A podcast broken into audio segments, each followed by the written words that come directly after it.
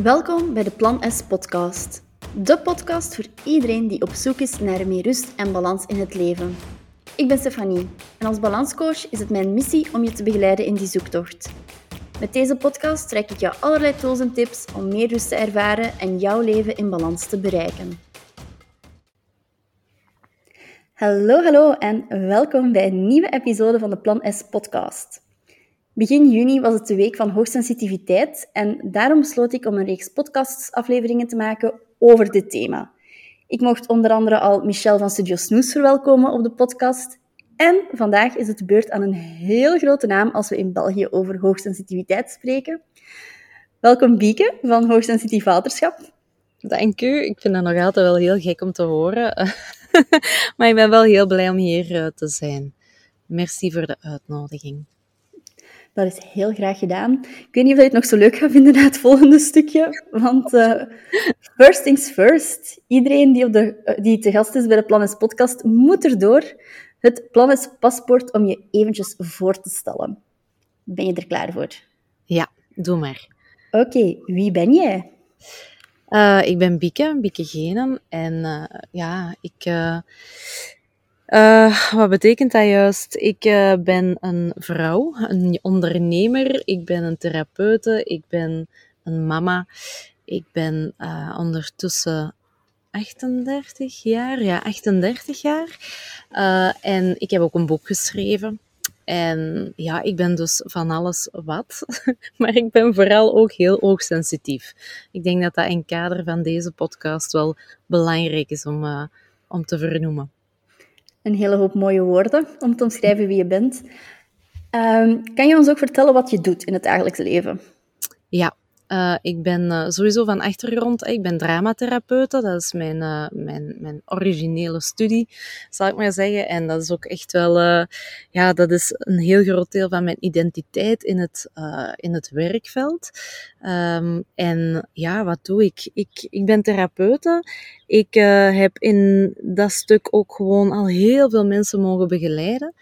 En onderweg op mijn pad is hoogsensitiviteit ook uh, in mijn eigen leven binnengekomen of binnengewaaid door de geboorte van mijn zoon. Ben ik mij daar enorm hard in gaan verdiepen en ik miste daar ook heel veel handvaten in. Uh, naast alles wat er wel onderzocht was en wetenschappelijk geweten. Uh, en wat ik erover kon studeren, heb ik erover gestudeerd. Maar zo de echte hele concrete handvaten, inzichten, tips die waren toen in mijn tijd die heel beperkt aanwezig. En uh, dat is dan zo wat mijn missie geworden, denk ik. Uh, um, het, het ploeteren, het um, knoeien en dan uiteindelijk wel gigantisch ook het groeien, om dat te gaan delen in hele concrete mensentaal, um, op die echte bieke manier, denk ik ook wel. gewoon zoals het is, heel concreet en ook zonder iets achter te houden. Dus uh, door heel veel te geven. Ik ben een echte gever. Ik denk dat het ook wel typisch hoogsensitiviteit is, hè, zoveel geven. Uh, maar uh, binnen deze missie is dat gewoon super belangrijk. Ik, ik, ik, wens het iedereen toe om ja, wat sneller daar te komen of daar te geraken waar ik jaren over heb gedaan. Dus dat is, ja, dat is wat ik doe.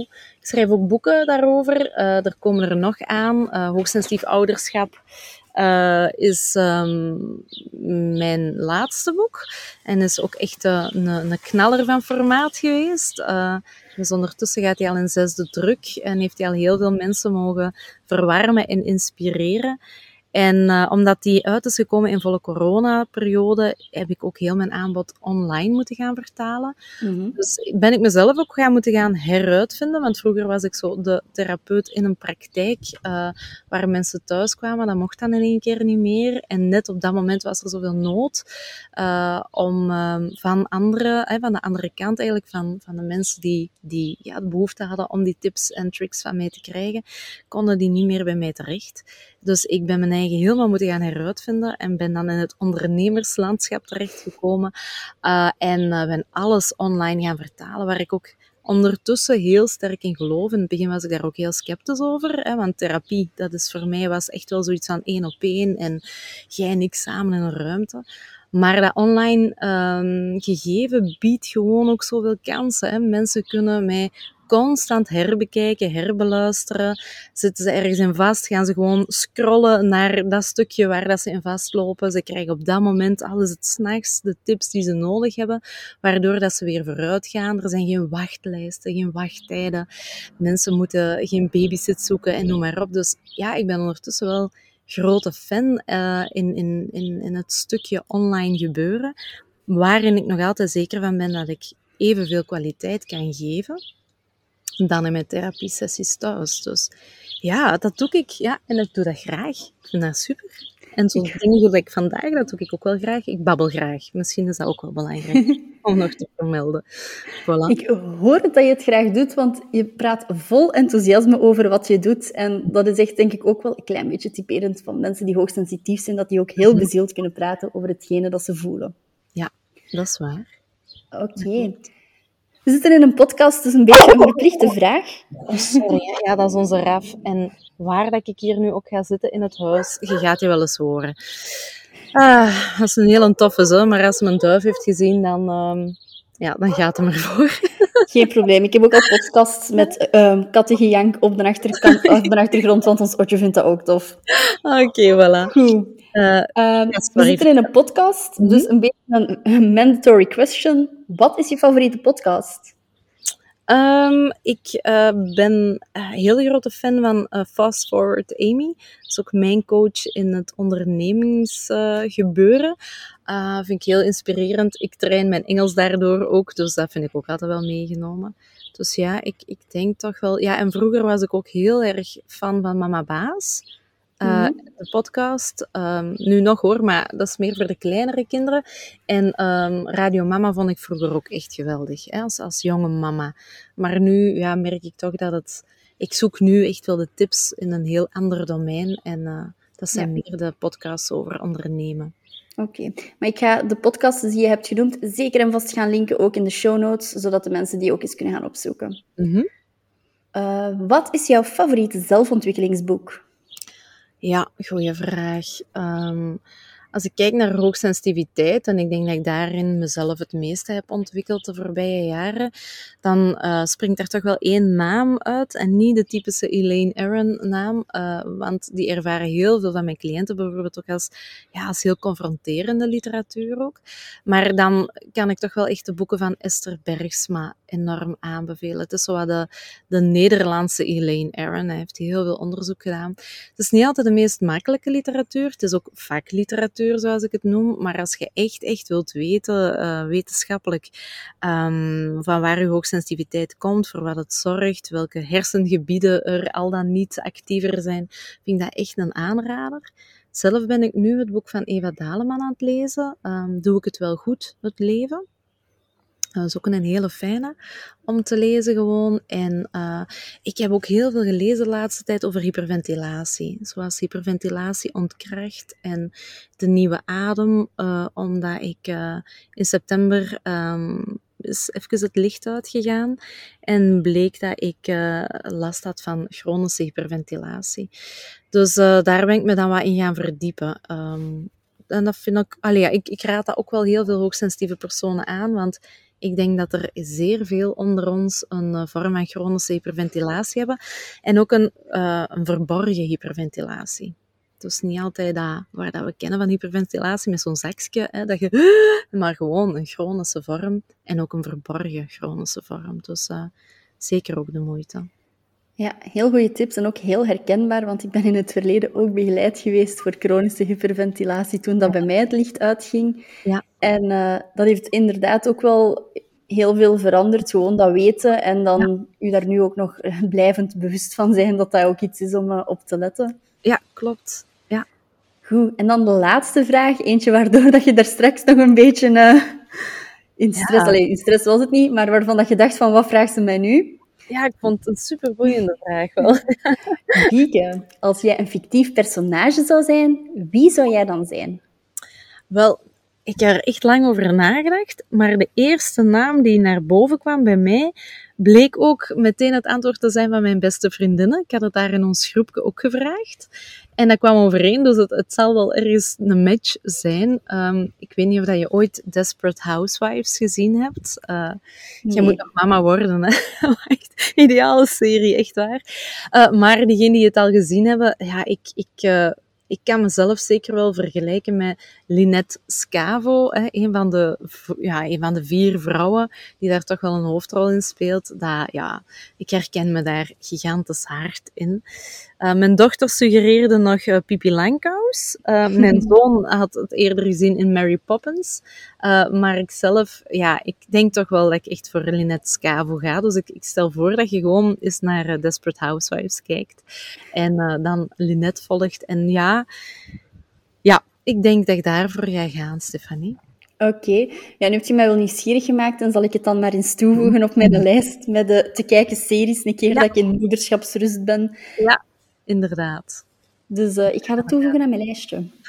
ja, zeker doen. Ik heb dat ook gezien de eerste keer trouwens, die serie, toen ik uh, in verwachting was van Tuur.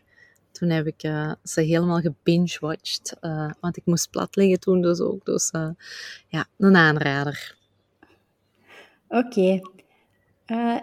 In de vorige afleveringen en ja, in het gesprek met Michelle heb ik het ook al gehad over wat is hoogsensitiviteit wel en wat is het niet. Mm -hmm. uh, maar ik ben ook wel benieuwd hoe dat jij dat ziet. Uh, dus om te beginnen, wat is volgens jou hoogsensitiviteit? Ah, um, voor mij is dat vooral heel veel voelen. Uh, heel veel denken, um, te veel denken. En ik denk uh, veel voelen, veel denken, te veel denken. Zelfs dat is nog een understatement. Um, het is eigenlijk constant denken, waardoor dat je constant voelt. Voor mij is het ook gevoeliger zijn voor stress. En dat is geen verzinsel. Hè. Dat is neurobiologisch, is dat echt wel bewezen. Um, we maken meer stresshormonen aan, dus we zijn ook stressgevoeliger. Maar we zijn ook sneller gestresseerd om de atypische zaken, uh, waardoor dat we ook gewoon veel sneller stress gaan ervaren dan een niet hoogsensitief persoon bijvoorbeeld. Um, wat het voor mij ook is, is minder goed kunnen relativeren. En veel te veel verder vooruit denken. Uh, ook uh, absoluut niet in ons uh, eigen belang. Hè. Vaak het, het ontwikkelen van doemscenario's zit daar toch wel in. En verder um, is het een continu aanstaan. Een continu alert zijn. Um, wat toch wel heel vermoeiend kan zijn. En wat zeker belangrijk is voor mij om het in mensentaal te kunnen omvatten of te kunnen vertellen wat het is, is dat je heel, heel sterk, zonder dat je dat doorhebt, want dat is jouw natuur, um, gefocust bent op de andere zijn behoeften. Dat is voor mij ook echt hoogsensitiviteit. Ja. Ja, een heel mooie definitie. Ik, hoor zeker een vast linken met wat dat ik heb verteld en met wat dat uh, Michel heeft verteld. Ik hoor ook een aantal dingen die misschien voor mij niet van toepassing zijn, maar ook hoogsensitiviteit is niet zo een klein kotteke waar dat je in past. Nee, inderdaad. Uh, ja. En je kunt daar een heel, allee, ja, je kunt daar heel lang over uitweiden. Je kunt ook totaal wetenschappelijk uh, ja, gaan verklaren. Maar zo, allee, dat is het voor mij. En, en ik merk dat, uh, allee, dat heel veel mensen daarmee gaan resoneren als ik het op die manier ga vertellen. Mm -hmm. dat maakt het wat ja, dat, dat is die mensentaal hè, waar ik het altijd over heb. Hè. We kunnen het hebben over een thalamus en we kunnen het hebben over, allee, over allee, het, het, het, hele hormonale gegeven en zo. Maar gewoon in mensentaal is dat echt wel wat hoogsensitiviteit is, volgens mij. Ja. Je gaf het daar straks al aan, van, je bent begonnen als therapeute, dramatherapeute, en op een gegeven moment kwam hoogsensitiviteit op je pad. Mm -hmm. Dus op welke manier is dat op je pad gekomen en hoe heb jij ontdekt van, oh, ik ben hier hoogsensitief? Um, ja, heel raar, hè? want uh, ik weet nog uh, dat heel veel mensen um, mij ook wel de vraag stellen van, Hallie, hoe komt dat dat je dat zo laat te weten bent gekomen? En je hebt toch vier jaar voor therapeuten gestudeerd, daarna nog heel wat studies daarbij gedaan. Uh, nu, dat staat niet in de DSM, hè, de, de Bijbel eigenlijk, waar dat wij mee leren werken. De Bijbel der problematieken en stoornissen staat daar niet in, omdat hoogsensitiviteit geen diagnose is. En in mijn tijd, maar dat klinkt echt zeer lang geleden, maar goed, ik ben, ik ben ook al een hele tijd afgestudeerd, hè, ondertussen 17 jaar, um, kwam dat ook totaal niet aan bod in mijn opleiding. Dus ik ben dat daar ook niet tegengekomen. Ik ben wel altijd heel uh, ja, gevoelig geweest, ook heel anders. Maar ik heb het voordeel gehad dat ik bijvoorbeeld op mijn 13 jaar ben ik uh, weggegaan van het reguliere schoolsysteem en ben ik kunstonderwijs gaan doen. Ik ben theater gaan volgen. Ja, en daar is iedereen um, um, ja, een beetje anders uh, of, of, niet zo... Uh, ja, dat is niet het normale, zal ik maar zeggen. Dus ik heb mij in die context ook nooit een buitenbeentje meer gevoeld. En daarna ben ik in Nederland gaan stu studeren voor dramatherapeuten. Ja, dat, dat was ook niet zo regulier. Dus ook in dat stuk heb ik dat nooit echt ervaren als, amai, ik val hier helemaal buiten de norm. Dus dat ging eigenlijk best wel vlot. Oké, ik heb het wel lastig. nu dat ik het weet, dat ik ook sensitief ben, kan ik wel heel veel van de dingen waar ik wel tegenaan ben gelopen toen, kan ik echt wel aan die kapstok hangen. Maar goed, mijn leven ging wel verder en verder en dat was oké. En uh, dan werd ik mama. En eigenlijk toen is het een beetje, ja, toen ben ik helemaal uit balans gegaan en toen ben ik pas echt tegen mijn hoogsensitiviteit heel sterk aangelopen.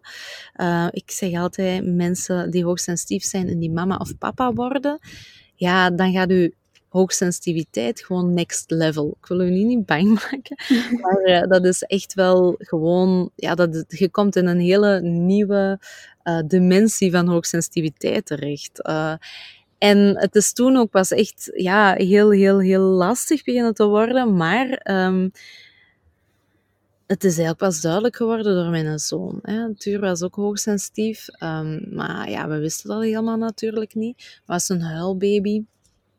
Um, die konden ook bijvoorbeeld niet wegleggen. Die moest de hele tijd op mijn buik hangen. Die sliep op mijn buik. Die hing op mijn buik. En als ik die durfde wegleggen, dan begon die te huilen. Uh, dus dat was heel lastig. Um, ik dacht ook echt, ik doe het hier helemaal verkeerd. Ik kan dat hier niet. Hetgeen wat ik het liefste wilde doen in mijn leven, namelijk een goede mama zijn, ja, dat lukte mij duidelijk niet. Want mijn kind was precies altijd depressief en ongelukkig. En ja, was, was ook totaal niet te vergelijken met andere baby's. Hè. Dus ik was zo, in dezelfde periode waren al mijn vriendinnen zowel zwanger of jonge mama. En die sliepen allemaal door. Dat was allemaal leuk. Die zagen er ook allemaal content uit, die baby's. En mijn baby niet. Um, en ja, dat, dat, dat, was eigenlijk, dat werd erger en erger. En mijn man was toen nog, zat in het leger en die ging vier maanden, vertrok naar Congo.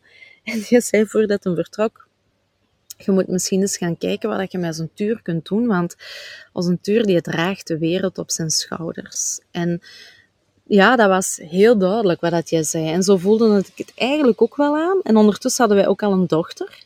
En daar was het verschil kon niet groter zijn. Dat kind was altijd content, dat sliep altijd goed.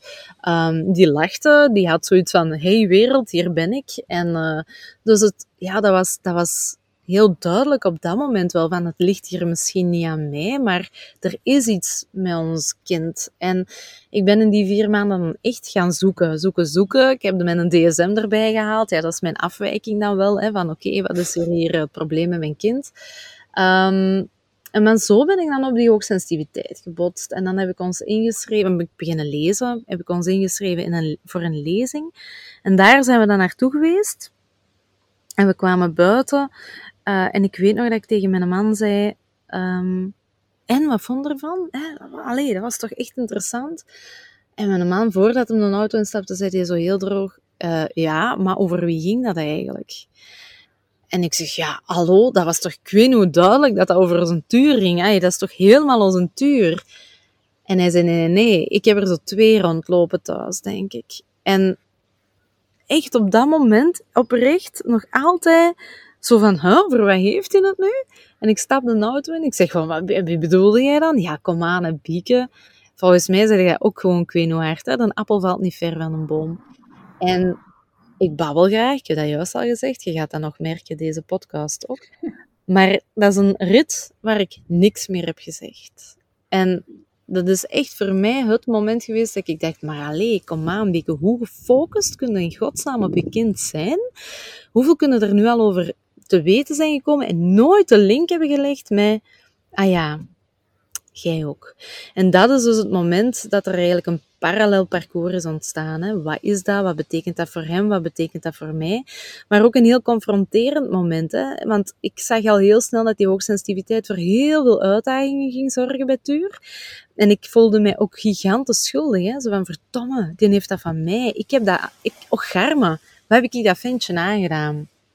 Um, maar goed, ik heb dat heel rap kunnen omzetten en oké, het is wat het is. En uh, nu moeten we echt wel gaan zien hoe we ermee leren omgaan. En zo is mhm. alles beginnen rollen. Ja.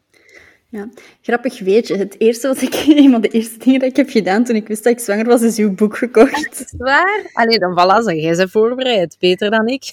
Ja, dat was echt een van de eerste dingen van, hier ga je controle over hebben. Ik denk dat dat ook een een heel ja, typerend is voor heel, heel, heel, ja. Ik heb een heel duidelijk een checklist gemaakt, een Notion, per maand, wat ik moet regelen voor, voor en na de bevalling. Dan ben ik die een boek gaan halen en ben ik die beginnen lezen. Dus. Ah, wel, ja, maar kijk, je bent voorbereid. Hè? Ik, ik heb eigenlijk het boek geschreven dat ik zelf had willen, ay, had willen lezen.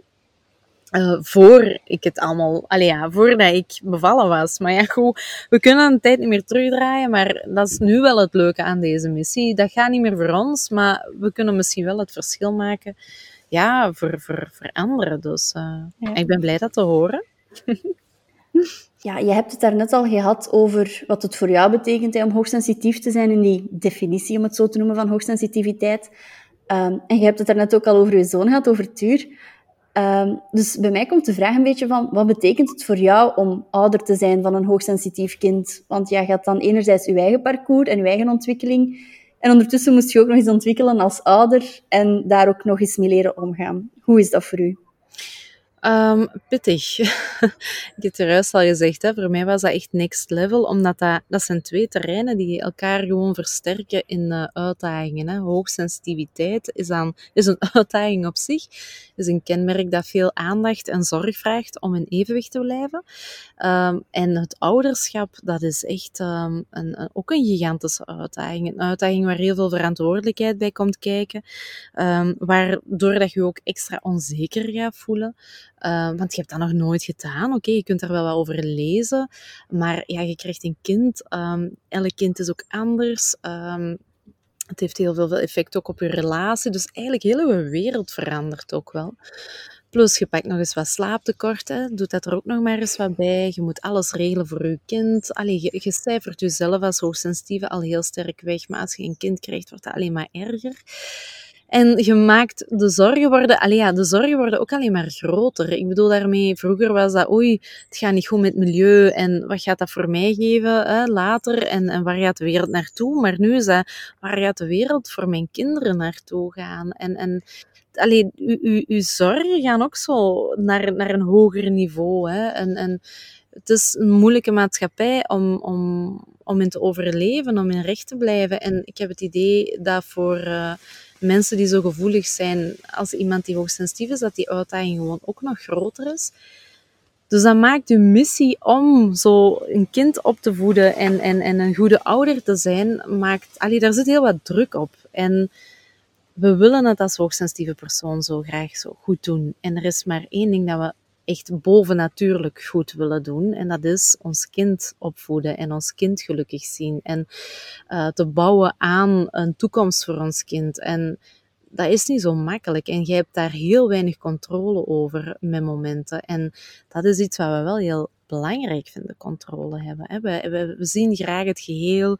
We hebben graag alle puzzelstukjes uh, om die puzzel te kunnen leggen. Maar dat is echt ouderschap. Dat is puzzelstukje per puzzelstukje.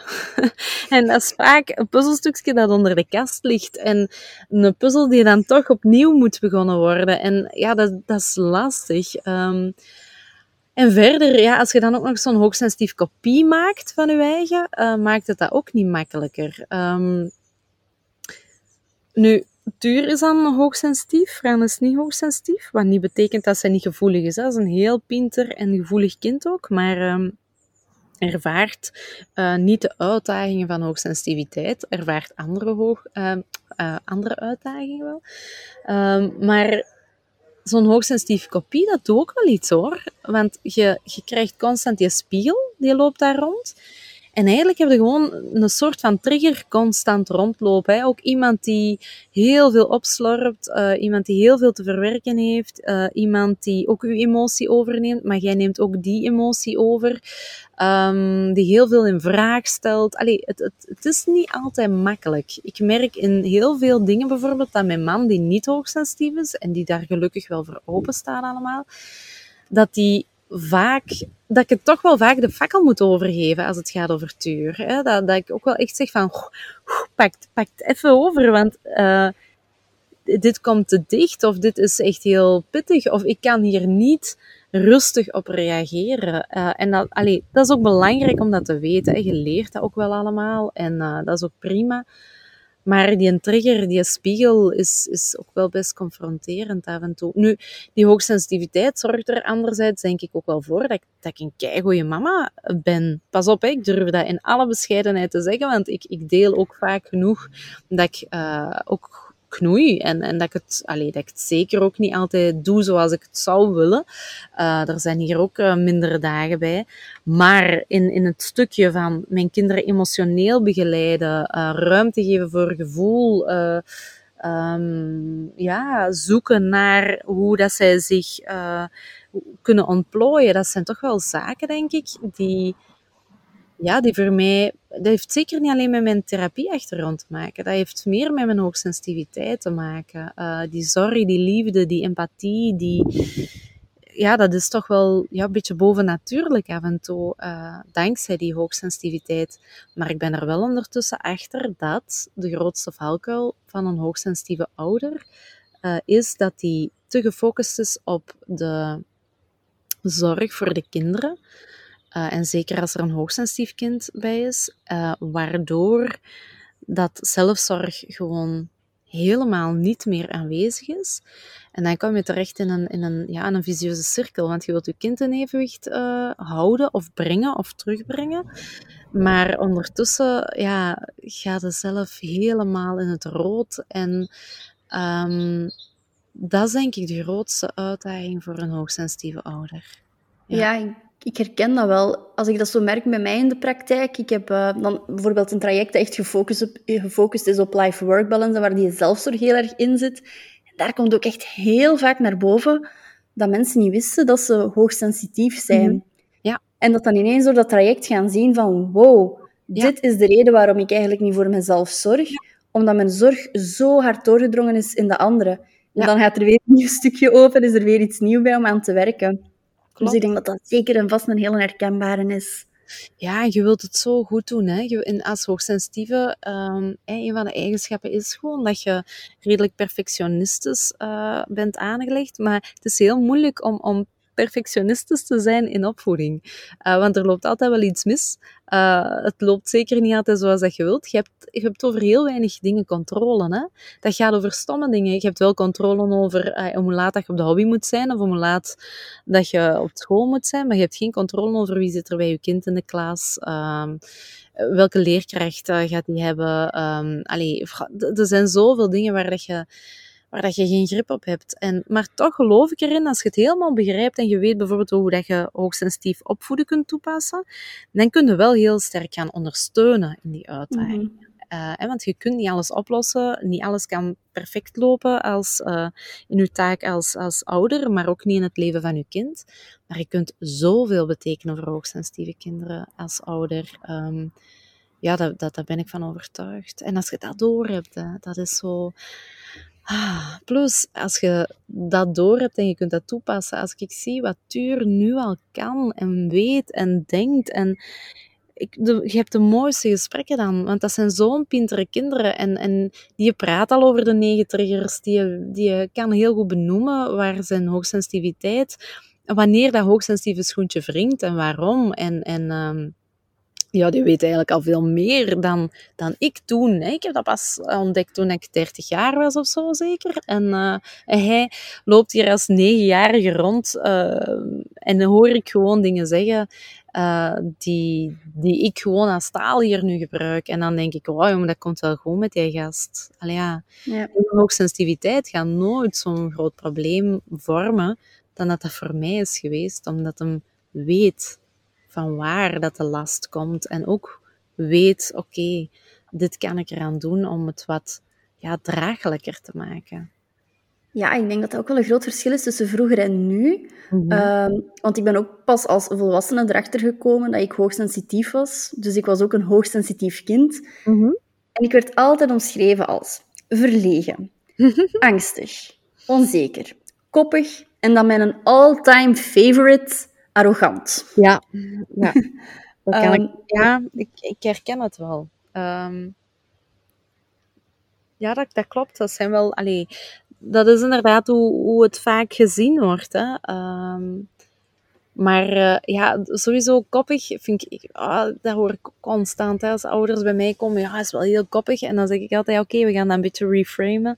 Um, ik praat liever over eigenwijs en eigenwijs. Uh, niet aan elkaar geschreven, maar met een koppelteken tussen. Uh, echt vanuit het stukje, een hoogsensitief kind heeft een eigen wijsheid. Uh, en dat wordt nogal snel versleten als koppig zijn, maar ze hebben effectief wel een reden.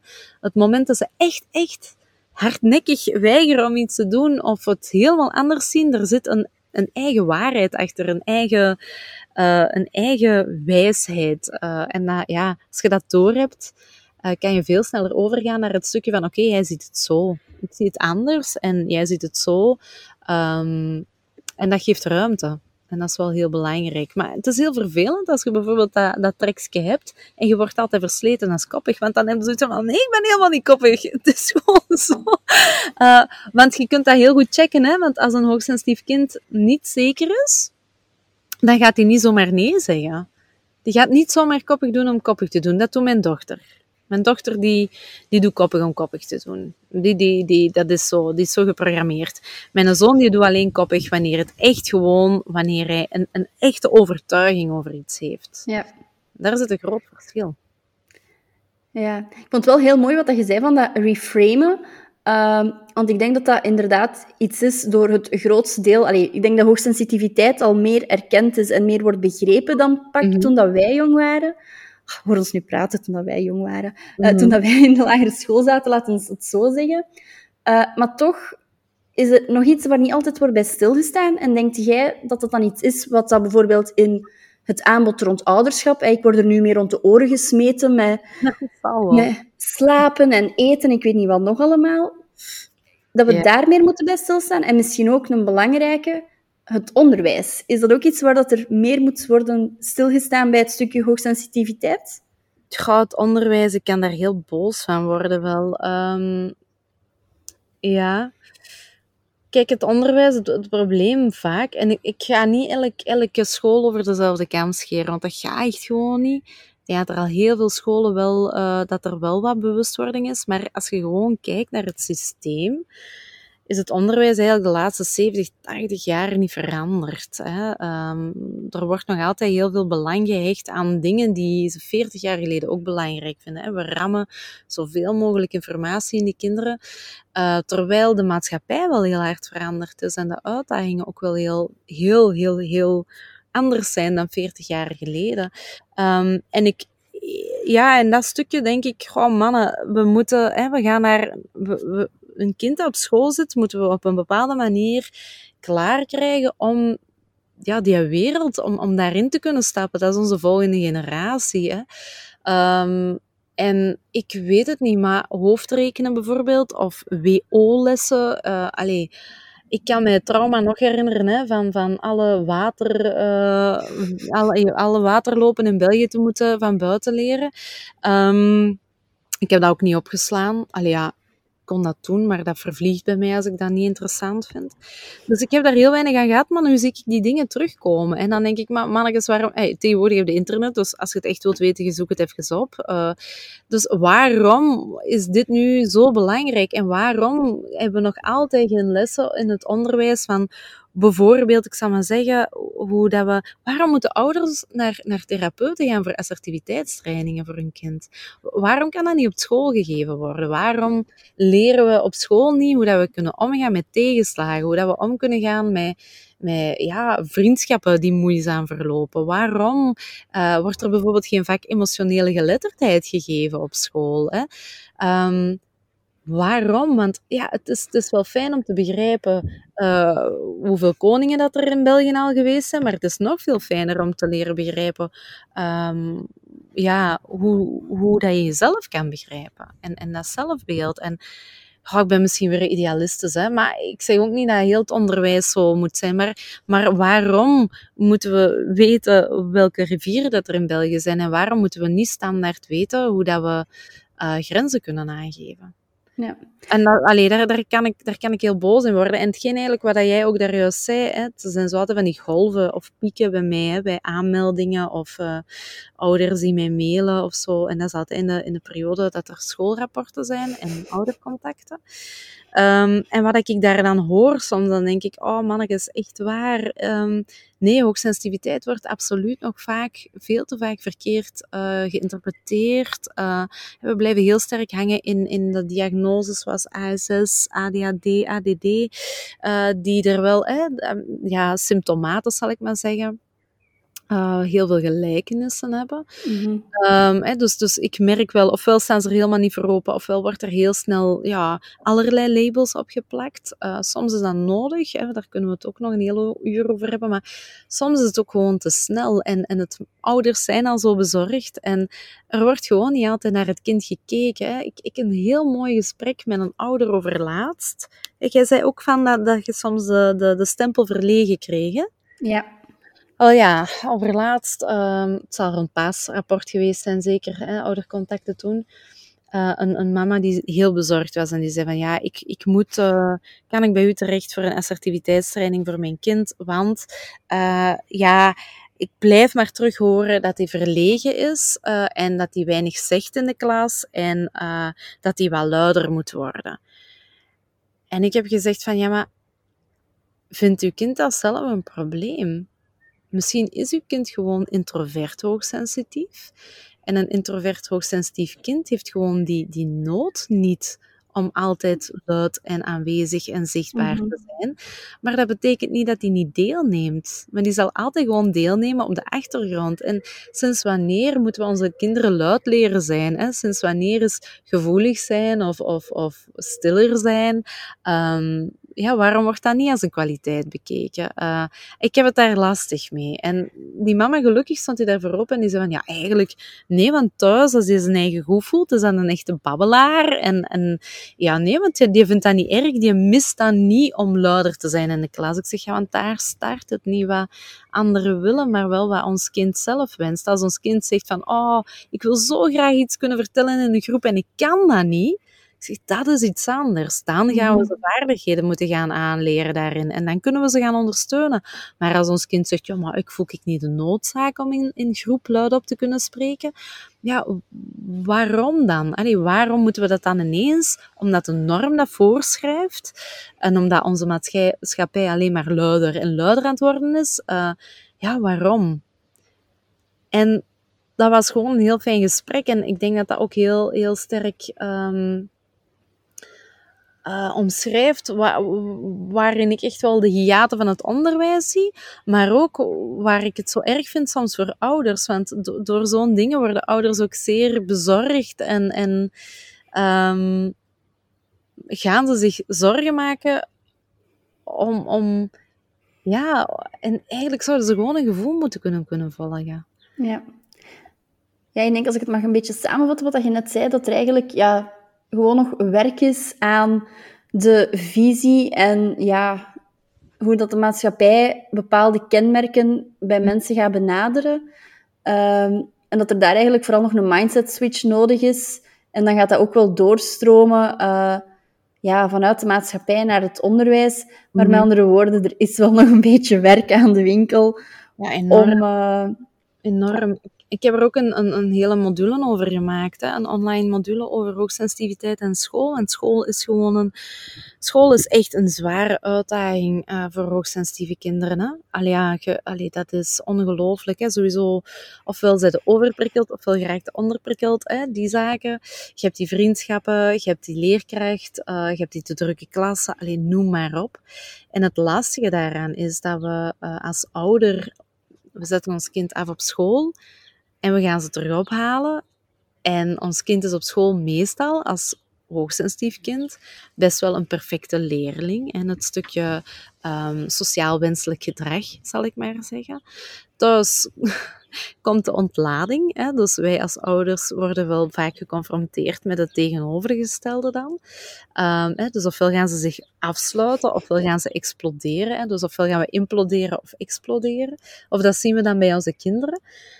Dus ja, het, het, het, leeft ook. Hè. School leeft ook. Het vraagt zoveel van onze kinderen. En uh, als ouders kunnen we niet in die periode bij hun zijn en hun ondersteunen. Maar ik geloof er wel in dat we heel veel na het school, voor het school, maar ook in communicatie met de school wel kunnen doen. Um, dat vind ik een hele belangrijke, want uh, je hoeft zeker niet als ouder machteloos aan de zijlijn te gaan staan. Je kan heel veel voor je kind betekenen in die schoolcarrière, uh, want het zijn heel wat jaren. Hè? Je begint als 2,5 ja. jaar en ja, wanneer eindigt dat? Ja, 18, 19, allee, of misschien nog verder. Um, maar we hoeven niet aan de zijlijn te staan. We kunnen echt die hoogsensitiviteit uh, van onze kinderen echt wel ja, meegaan ondersteunen, ook in dat hoofdstuk. Want dat is een heel belangrijk hoofdstuk. Hè? Dus de voorloper op ons werk eigenlijk. Hè? De voorloper op onze relaties, de voorloper op heel veel belangrijke dingen. Hè? Mm -hmm. Dat vind ik al een hele mooie om, uh, om stilletjes daarmee af te ronden. Ik denk hele mooie inzichten rond dat stukje hoogsensitief kind, hoogsensitieve ouder. Mm -hmm. um, dus misschien nog een laatste vraag om mee af te sluiten.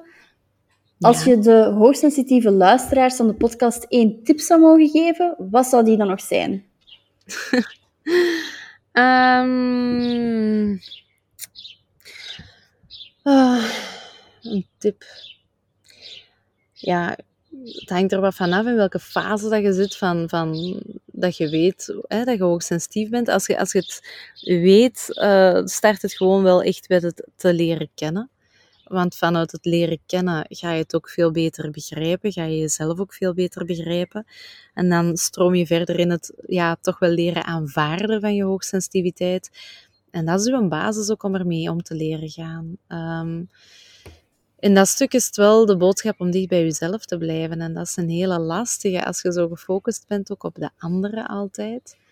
Uh, en ja, mijn, mijn tip die ik echt wel elke dag probeer toe te passen, omdat in, het, in het boek gaat het ook over die triggers en kritiek is een van die triggers. Um, en ik denk dat zelfkritiek daarin een hele zware is.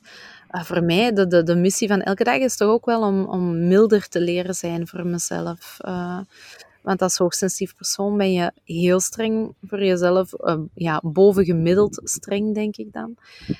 en daar maak je jezelf zeker niet gelukkiger mee. Dus ik denk in dat stukje uh, dat dat ook wel beter kan om lief te zijn voor jezelf als je zelf ook beter begrijpt. Je kan nu veel beter zeggen, ah ja, oké. Daardoor, oké. En dan krijg ik dat ook beter gerelativeerd. Uh, en um, dan kan ik dat ook beter plaatsen. En dan kan ik daar ook weer mee verder. Uh, dus liever zijn voor jezelf is, is toch wel een... Um, ja, het klinkt simpel, maar het is, het is iets wat je dagelijks wel mag voeden wat je nodig hebt om in een balans te kunnen blijven. Daar ben ik van overtuigd. En ademen. en liefst op de juiste manier. Ik denk dat dat een hele belangrijke is voor heel veel hoogsensitieve personen. Ja. Kijk, mooie tips om mee af te sluiten. Mm -hmm. Bieke, ik wil u echt nog een keer super hard bedanken om tijd vrij te maken op deze zonnige namiddag. Ja. Uh, om ja, te gast te zijn in de podcast. Ik vond het super interessant. Uh, ik had je boek al gelezen, maar ik vond het ook super interessant om u eigenlijk nog eens te horen uitweiden over zowel het stukje hoogsensitief persoon zijn als ouder zijn, als hoogsensitief kind zijn. Mm -hmm. En ik ben er echt van overtuigd dat iedereen die aan het luisteren is, het ook super interessant vond. Dus dikke merci. Ja, dat is heel graag gedaan, sowieso. Uh, bedankt voor de uitnodiging. Ik praat daar graag over, dus uh, dat is zonder moeite. Met heel veel plezier gedaan. Wil je graag nog meer te weten komen over, over hoogsensitiviteit? Ga dan zeker een kijkje nemen op Bieke haar Instagram. En ik, ik ben binnen 14 dagen terug op post met een nieuwe episode in de Planes podcast. Tot dan!